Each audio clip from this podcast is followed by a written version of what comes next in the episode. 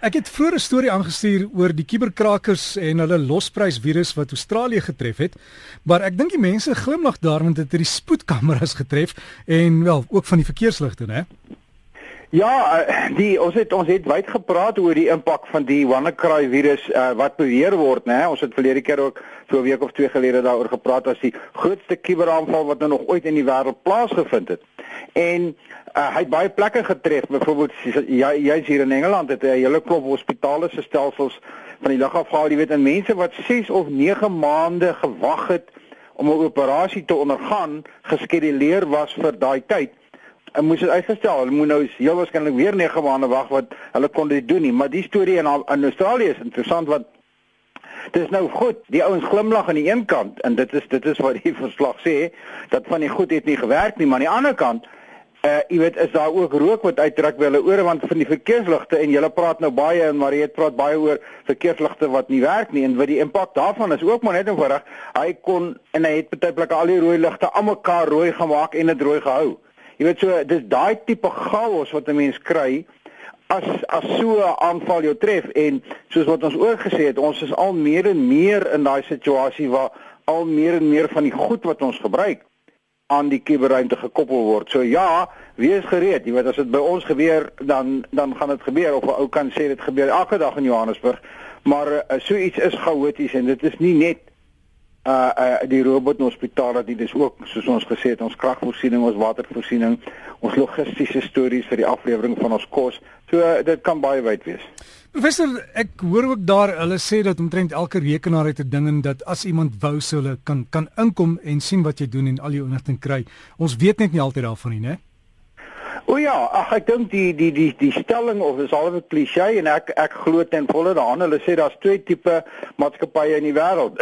Kom ons sê selfs twee tipe staatsdepartemente in die wêreld.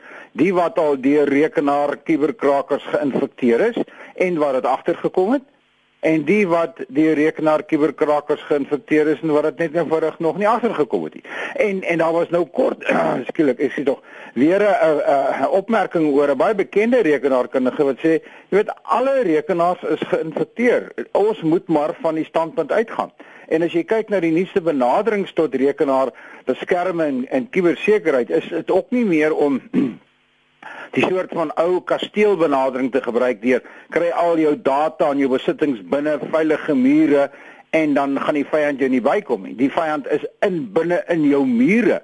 Daar word dus totaal ander maniere ontwikkel en dan moet ontwikkel word om ons te beveilig want jy kan nie net meer defensief wees nie en daarom gaan ons al meer en meer begin sien uh oor offensiewe rekenaarbeveiliging waar jy eintlik uitgaan as as 'n as 'n rekenaar eienaar of as 'n kuberruimte beskermer as jy so wil en gaan soek wie's die ouens wat jou wil aanval en hulle dan probeer in 'n in 'n in 'n hoek druk en hulle inligting kry. En dis die sogenaamde kuberteenintelligensie waarvan ons nogal by die Universiteit van Johannesburg se sentrum vir kubersekerheid nogal heelwat werk doen oor uh, hoe hoe gaan jy te werk om jouself nou meer proaktief, meer uh, nie net defensief nie, maar aggressief te beskerm deur deur inligting te versamel. So ja, jy's baie baie reg en dit gaan net nog erger word. Ja. So professor, die ding dan is om die mense aan te vat voordat hulle jou aanvat. Dis die hele punt. Gaan gaan soek hulle en dit is maar dis maar soos jy weet as ons teruggaan na enige oorlogvoering toe en hierdie is absolute voorbeeld daarvan. Daai Chinese kundige van van honderde duisende jare gelede het al gesê ken jou vyand en jy kan jou vyand net ken as jy hom gaan soek. En dit is wat vandag gebeur jy weet. Baie maatskappye vandag um, is uh, binne die kuberruimte uh, aanvaar hulle die ouens gaan in hulle stelsels inkom en hulle aanvaar die ouens gaan hulle stelsels krak. Daarom wat hulle doen is hulle hang sogenaamde heuningpotte. Uh dis nou maar net 'n ander naam maar hy het 'n baie betekenis. Dan word hulle hulle sal daar 'n leer of op 'n database iewers definieer met sê volgende jaar se begrotingsresultate of vertroulike inligting oor ons nuwe produk. En dan sal hulle hom redelik maklik, jy weet, beskikbaar maak, nie te veel sekerheid op hom sit nie, dat as die kiberhou inkom, dan gaan hy dadelik ah sien, hier's 'n leer wat vir my baie interessant lyk. En dan gaan hy soontoe en daar kry hy vals inligting. Ons praat baie oor vals of fop inligting. Daar kry hy fop inligting En daar begin hy dan nou soos die by, begin hy nou om die pot en hy begin die inligting nou bekyk en, en aflaai en dan nou hy hom dop. Aan die ander woorde jy jy het eintlik jou oë jou jou waarnemingsprogrammatuur rondom daai heuningpot wat nou vir hom sit en dophou en so kry jy wie hy is en in in in waar hy terugrapporteer hy en wat sy inligting steel hy en volgende keer dan dan sit jy maar 'n bietjie ander daarin ensovoorts. Dis 'n dis 'n aanvaarbare tegniek wat al meer gebeur. Jy's reg. Kom ons gaan haal hom. Ons weet hy's binnekant. Kom ons wag vir hom in. En dan sien ek in sekere dele van die FSA reken hulle dat kinders hier by 13 jaar of jonger nie selfone moet gebruik nie baie baie interessante uh uh verslag daai ek het dit gesien en uh, dit is nog maar 'n voorstel by een van die Amerikaanse state wat nou voorgelê gaan word dat dat uh, kinders onder 13 nie 'n selfoon 'n uh, slimfoon mag gebruik nie of die ouers as die ouers dan vir so 'n uh, kind 'n slimfoon wil gee, moet hulle duidelik motiveer hoekom dit nodig is en waarvoor die kind dit gaan gebruik en hoe hulle dit gaan toesig hou en monitor en also aan. En dit is nou nogal vir my in lyn met 'n hele klomp eposse wat ek van luisteraars gekry het wat baie baie bekommerd is oor hulle kinders ook hierdie uh, blue whale speletjie wat ons 'n ruk gelede oor gepraat het wat skynbaar nou al baie baie onaangename gevolge in Suid-Afrika gehad het. Hoe hoe kan jy jou kind beheer? En en die vraag wat die mense byvoorbeeld vra is, moet die staat meer doen? Het ons meer tegniese regulering of wetlike reg regulering van die staat se kant af nodig? Of of wat? En en my, jy weet ek staan op twee bene daar. Ek dink definitief die staat moet in sekere gevalle meer regulering gee. Byvoorbeeld uh oor die beheer en die bestuur van pornografie en kinderpornografie uiteraard wat hulle ook al doen. Maar aan die ander kant het die ouers ook 'n verantwoordelikheid en daarom is daar sekere tegniese maatreëls. en ek het nou met 'n paar mense gesels.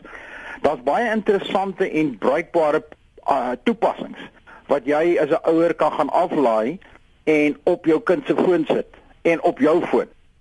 Ek het spesifiek met een uh nogal 'n familielid uh, gebruiker gepraat wat wat dit so doen. In die sin dat dat hy op sy foon kan kyk alles wat die kind doen. Uh na watter webwerwe het het die kind na toe gegaan? Uh, hoe lank het sy op die webwerwe gegaan? Wat sy SMS'e het sy gestuur ensovoorts. En hy hoef nie fisies toegang tot die kind se foon te hê daarvoor nie. Hy kan dit vanaf sy eie rekenaar af kan hy van tyd tot tyd doen. Hy kan ook uh tye stel en sê jy kan net van hierdie tot hierdie tye in die dag mag jy nou byvoorbeeld uh, uh die internet gebruik. Ander tye mag jy dit nie gedoen nie of net tot sulke ure.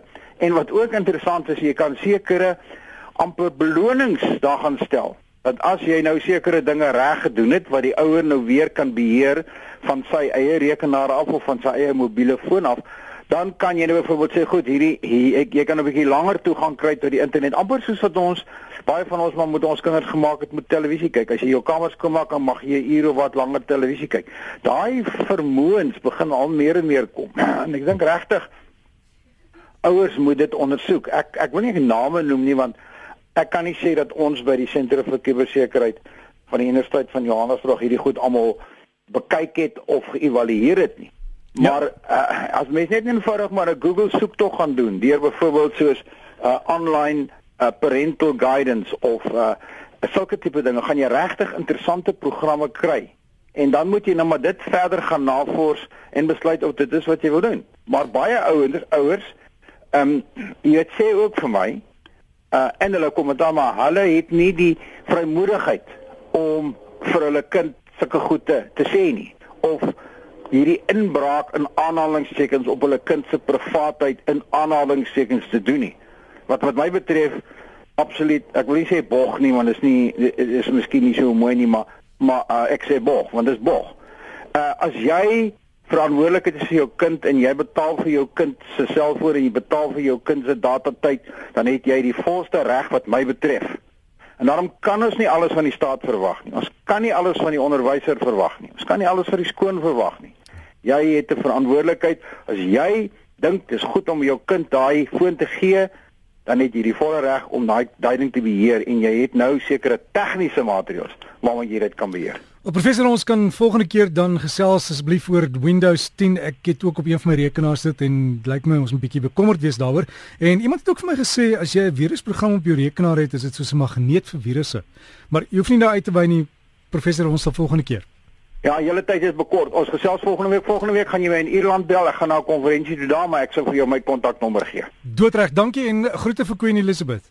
Ah, ek sal vas sê ek bring julle kaartjies saam. Baie dankie. So gesels ons dan met professor Basie uh, van Soms en as jy dalk inligting nodig het of met hom kontak maak, stuur my net vir my e-pos en ek kan dit aanstuur. Is d by rsg.co.za.